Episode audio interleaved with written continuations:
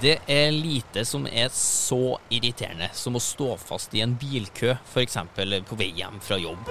Eller eh, å ikke finne den ene ledige parkeringsplassen som du vet må eksistere en eller annen plass i byen.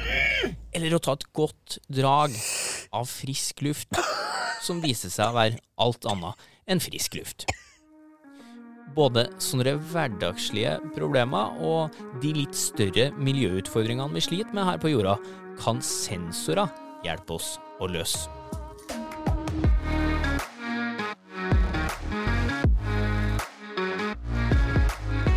Du hører podkasten Smart forklart med Aksel Faanes Persson. Hjertelig velkommen til en ny episode av denne podkasten fra oss i Sintef. En podkast der du risikerer å bli litt smartere og få litt større tro på framtida for hver gang du lytter innom. Og I denne episoden så skal det handle om smarte sensorsystemer og det de kan bidra med for at vi skal ta noen solide steg inn i en mer miljøvennlig verden. Og I dag så har vi storfint besøk av Telenor og deres forskningsdirektør Bjørn Tolle Sandberg. Velkommen til Smart forklart. Takk skal du ha. Veldig hyggelig å ha deg med, og sammen med deg så sitter vår egen Mats Karlin, som er forskningssjef her i Sintef eh, for nettopp smarte sensorsystemer. Velkommen til deg, Mats. Takk skal du ha. Kan ikke vi begynne med at dere gir oss et uh, eksempel der uh, sensorer har spilt en stor rolle sånn historisk sett? Jo, ta f.eks. fly. Uh, det er vel ikke mange som vet at i veldig mange passasjerfly så sitter sitter det høydemålere fra Norge, som nettopp er en sensor som måler høyden til flyet. Og En del av disse sensorene måler også kabintrykket. Og Det er jo ganske viktig for å få fly til å gå sånn som det skal. Hvis jeg kan ta et annet eksempel fra mobilindustrien, ja, det må som du jeg gjerne. synes er ordentlig spennende. Det er faktisk et norsk selskap som har utviklet eh, sensorer som kjøpes av eh, bl.a. Samsung, som registrerer om telefonen er inntil øret eller ikke. Og hvis den er inntil øret, så skrur den av skjermen. Og det gjør at batteriet varer lenger. Dette er eh, noe ingen vet om, men som alle har glede av. Eh, men da må vi eh, få en definisjonsavklaring her nå. Mats, hva er sensorer for noe? Jo, sensorer er noe som uh, måler et eller annet uh, fysisk i verden rundt oss. Uh, det kan være temperatur, det kan være trykk, det kan være avstand, som Bjørn Tolle nevnte. Eller det kan, være, det kan være et kamera, eller det kan være en mikrofon. Eller det kan være Ja, det er noe som sanser noe av det rundt oss. Det er en sensor. Og som omsetter det til et digitalt signal som vi kan bruke etterpå. Ja, og Hvorfor er det så viktig, da? Ja, Det er fordi at uh, det vi måler, er jo en type informasjon som vi har bruk for videre, uh, og som vi ønsker å bruke til et eller annet fornuftig. Uh, det kan være å måle hvor mye støy det er langs med en vei, eller det kan være hvilken temperatur det er på noe, det kan være hvilket trykk er det i blodsystemet ditt. Så det er litt av grunnen til at sensorer er veldig viktig for, for denne her digitaliseringen som vi er på vei inn i. Hvis jeg kan legge til én ting eh, igjen. Eh, vi vet jo at kunstig intelligens, som er veldig hot om dagen, egentlig er basert på bruk av store mengder data, informasjon om en eller annen prosess. Hvor man lærer fra disse dataene, og så blir i stand til å gjøre prediksjoner eller styre systemer, som en selvkjørt bil f.eks., uten at mennesket er på rattet. Og sensorer som måler ting i den fysiske verden, genererer nettopp data som kan brukes av kunstig intelligens, og som gjør det mulig å automatisere ting som det ikke var mulig å automatisere tidligere. Og nettopp her er det jo så viktig at disse sensorene måler noe nøyaktig, fordi at eh, det er viktig at den informasjonen er så korrekt som mulig. Og Det er derfor vi på Sintef har en ganske stor aktivitet på å lage nye sensorer og utvikle nye sensorkonsepter som kan eh, måle ting enda mer nøyaktig og enda bedre enn det man kan fra før. Ja, Vi skal snart komme oss over i det miljøperspektivet her, men jeg må bare, eh, vi snakker jo om smarte sensorer, smarte sensorsystemer. Hvorfor er de smart? Ja, er, Smartnessen ligger jo litt i hvordan du bruker sensorene. Eh, Bjørn Tåle var jo inne på dette her med kunstig intelligens. Eh, Og det har noe med hvordan du klarer å utnytte den informasjonen som du får fra sensorene, og omsette den til noe som har en nytteverdi for oss som mennesker. Eh, det kan f.eks. være hvis du eh, måler et eller annet fysisk på kroppen din, at du klarer å omsette det til eh, f.eks. blodtrykk, da, som en lege kan forstå og tolke. Eller ja, at du gjør det i en slik setting. For å bygge på, på, det eksempelet med medisinsk teknologi. En av de virkelig spennende utviklingene vi ser nå innenfor for, for akkurat det er eh, små apparater som med en liten patch, liten sensor på armen din, kan måle blodsukkeret i, i, i blodet ditt. Og kan styre insulininjeksjon automatisk.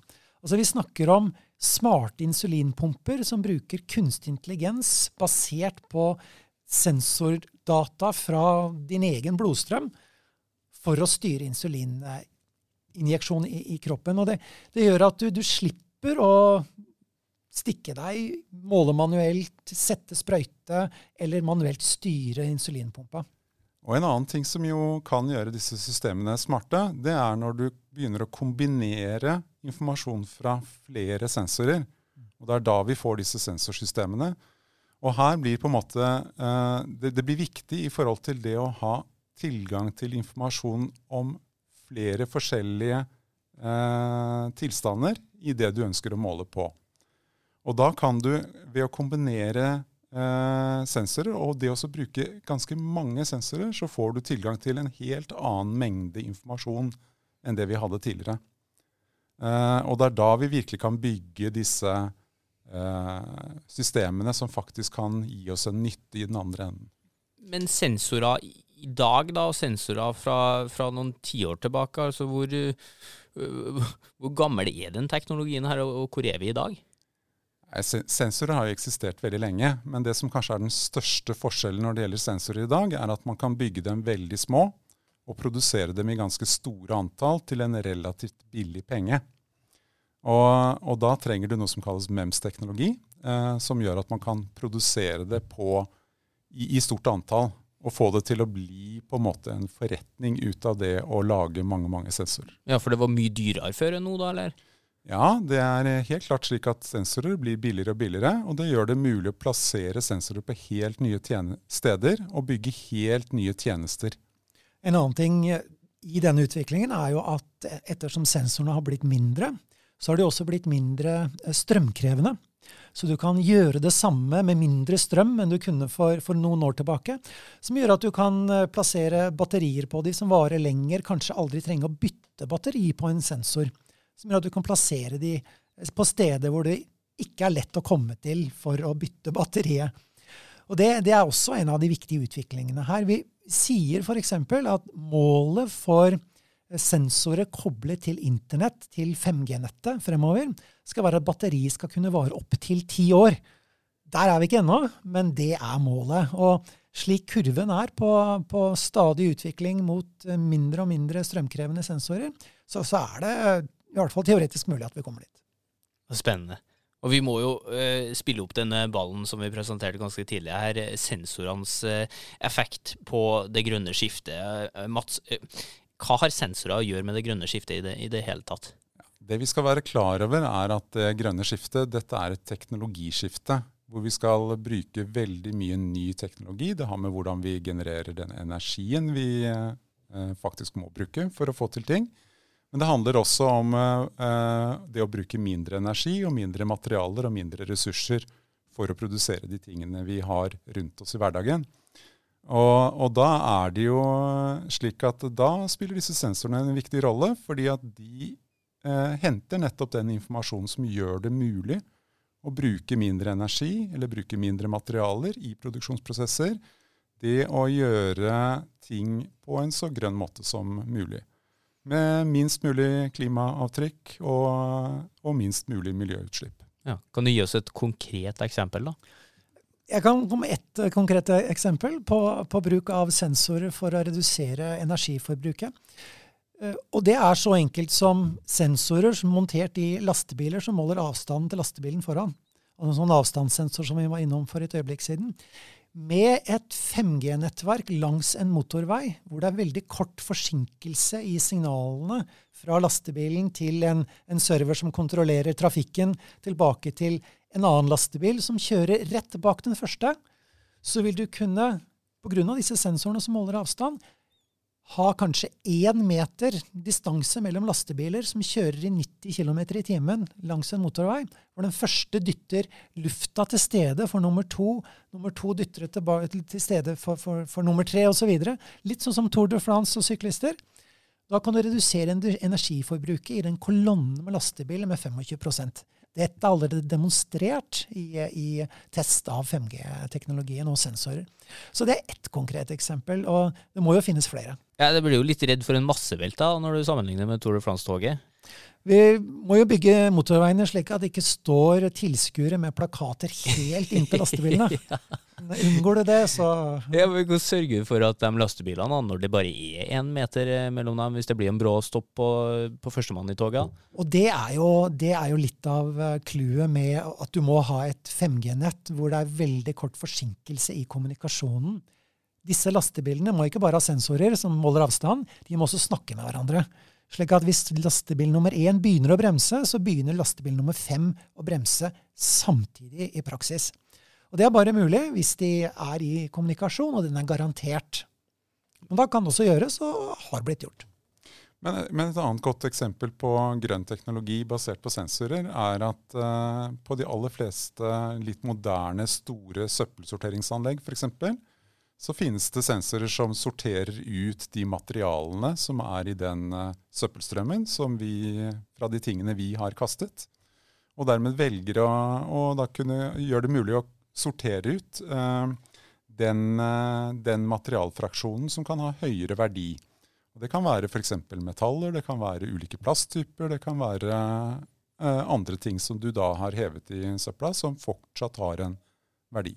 Og Der spiller sensorene igjen da, den der rollen for å kunne faktisk gjøre ting mer miljøvennlig og mer eh, grønt.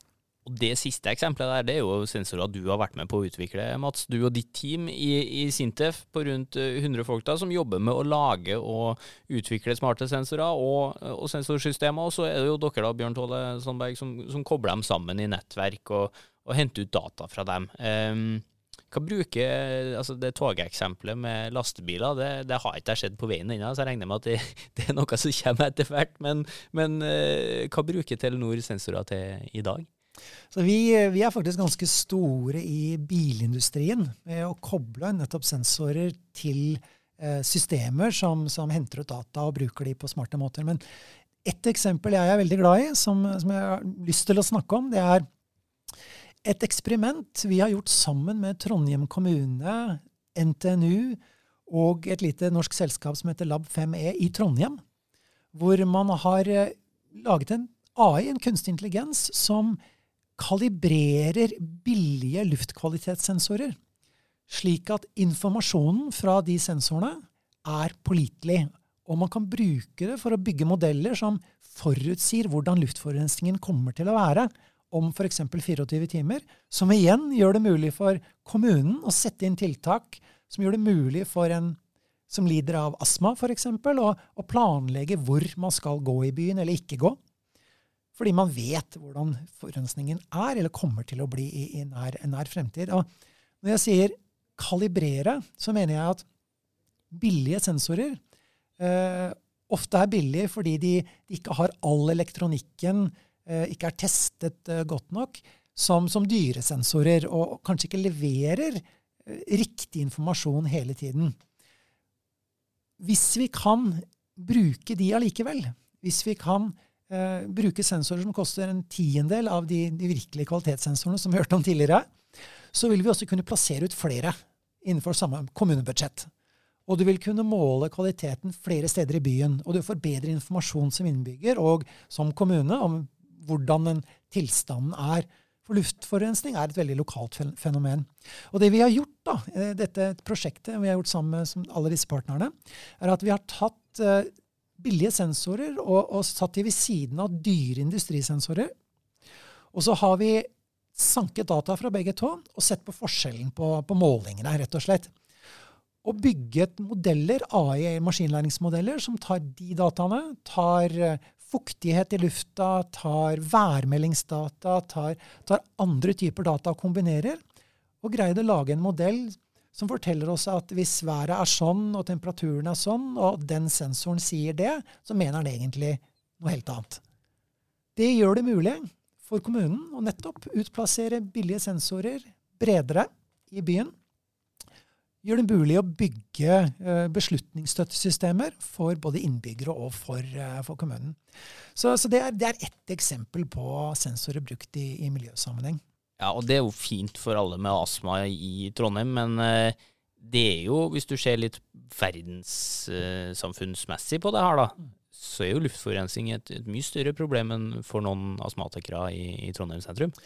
Det, det, er riktig. Eh, Verdens helseorganisasjon sier jo at mer enn 90% jeg tror 91% av det tallet jeg har sett, av verdens befolkning lever med eh, dårligere luftkvalitet i hverdagen enn man burde ha. 91% av verdens befolkning. Og mer enn fire millioner men, eh, mennesker dør hvert år, delvis som en eh, konsekvens av lav luftkvalitet. Så dette er, et, eh, dette er et, stort globalt problem, og det er mye større i, i byer som Dhaka eller Bangkok eller Sa Paulo enn Trondheim. Det er det. Og hvis denne type teknologi, som jo nå prøves ut og utvikles i, i Norge, kan bli adoptert i disse virkelig store byene og store landene, så, så er potensialet selvfølgelig mye større. Så da er vi faktisk inn på at eh, sensorer redder liv òg. Altså, nå begynner vi å få en eh, virkelig heltestatus for disse sensorene og sensorsystemene våre. Eh, Mats, det ryktes at du har sagt at vi er inne i sensorens tiår. Kan du bekrefte at du har sagt det, eller? Ja, nei, det stemmer det. Og det, litt av grunnen til at vi tenker at dette er sensorenes tiår, det er rett og slett at vi har behov for de dataene som disse sensorene faktisk kommer til å skape for oss. Uh, for å nettopp få til alle de, løse alle de problemene uh, som eh, Bjørn Tolle her har nevnt et eksempel på. ikke sant? At, at vi skal løse de store eh, samfunnsutfordringene, egentlig. Så er vi nødt til å ha de sensordataene for å løse det. Og Det er derfor jeg tror at eh, vi kommer til å se veldig mange nye sensorer man, og veldig mange nye måter å bruke sensorer på. Eh, for det er viktig å være klar over at det er, det er en kombinasjon av de to tingene vi snakker om her. Mm. For eh, nå, nå har jeg sjekka litt rundt, og historier jeg har fått hørt før jeg møter dere nå, er jo at sensorer kan f.eks. brukes på eh, til, sånne enkle ting som vedlikehold. At en vaktmester slipper å, å eh, krype ned på alle fire opp med T-banesystemet for å sjekke om den ene skruen sitter fast en gang i året. Han kan heller ha en sensor som sjekker om den skruen har løsna, som gir beskjed når den løsner, og så sparer du deg tid. Du har solcellepanel som kan snu seg etter vær og vind. Eh, vindmøller òg, takket være sensorer. Eh, men altså, tenk litt fram i tid nå, da. Dere har jo gitt noen eksempler med det her Tour de France-lastebiltoget og, og, litt sånt. Men eh, hva tror dere vi får se eh, sensorer bli brukt til om noen år? Hvis jeg kan begynne. Eh, så, så jeg liker å snakke om eh, det vi i Telenor har kalt den perfekte stormen av 5G som en muliggjører for massiv utplassering av sensorer. 5G-nettene vil kunne støtte opptil 1 million oppkoblede enheter per kvadratkilometer. Altså sensorer koblet til kommunikasjonsmoduler som er koblet til nettet. Og disse sensorene genererer, som vi har snakket om, data som kan brukes for å bygge maskinlæringsmodeller, AI-modeller. Og det AI egentlig er i dag, og vil være mange år fremover, det er teknologi som gjør det billigere å forutsi hva som kommer til å skje. Hvis fremtiden ligner litt på, på fortiden. Og i veldig mange systemer, som fabrikker og veisystemer og hva det måtte være for noe, så er fremtiden ganske lik uh, fortiden. Det gjør deg i stand til å optimalisere hvordan du gjør ting. Du kan finne innsparinger, du kan finne måter å spare energi på, du kan finne andre måter å organisere virksomheten på fordi du har den innsikten og de dataene. Så det er det store bildet her eh, fremover. Og så er det som alltid, eh, jeg syns i hvert fall det er ekstremt vanskelig å spå om ok, konkret hvilken app eller hvilken teknologi eller hvilken løsning kommer da. Ja, men den må jeg pushe dere på, for nå eh, snakker vi verdenssamfunnet. Vi snakker redde verden med, med, alt det vi kan bidra med på miljøfronten. Men altså, for, for oss som privatpersoner, da, det er jo ofte vel så interessant å få vite om. Hva, hva kan vi vente oss at sensorene hjelper oss med? Det kanskje ikke alle er klar over, er jo hvor utrolig mange sensorer som faktisk er i deres nærhet i hverdagen i dag. Da, ikke sant? Eh, I, I, mobiltelefonen din så har du et vell av sensorer. Eh, det er det som muliggjør at du har kompass, at du har, eh, du har faktisk mange forskjellige sensorer faktisk allerede på deg i dag. Og I tillegg så er det jo slik at du har smartklokker, bilen din har masse sensorer, vaskemaskinen din har sensorer. Selv inngangsdøren din kommer til å ha sensorer i framtiden. Det, det, er slik det er. Altså, det blir integrert i så mange produkter at, at, det blir et vel. Og Det er derfor vi trenger den konnektiviteten da, som Bjørn Tolle snakker om her. Altså Hvordan du kan koble opp alle de sensorene og faktisk hente ut den informasjonen på en forsvarlig måte. Og hele hensikten er jo å gjøre disse sensorene nyttig for folk flest. Det er der eh, det, er det, det, det kommer fra. Mm. Men jeg er fortsatt ikke helt fornøyd med, med antall eksempler. Altså, jeg syns noe av det artigste vi gjør her i Smart forklart, er å se inn i krystallkula. Kan jeg snike ut noen flere eksempler på, på hvordan sensorer hjelper oss i, i umiddelbar og litt lenger fram i tid? da? Ja, Tenk deg når du begynner å bli eldre og det begynner å bli vanskelig å klare seg eh, hjemme alene. Eh, da kan eh, sensorer hjelpe deg. og det er faktisk slik at eh, Telenor og Sintef har hatt samarbeidsprosjekter på akkurat denne type teknologi i et prosjekt vi kalte Smart omsorg.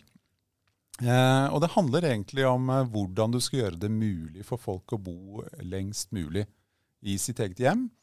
Og Skal du ha det, så må du ha en trygghet i hverdagen så det kan være alt fra type fallsensorer, det kan være noe som overvåker at du har tatt medisinene dine.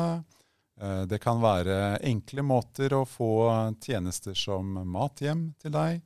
Eh, det kan være eh, når, å, å, ha styring på når du skal ha besøk i forhold til pleie av den sykdommen du har, eller hva det nå enn er.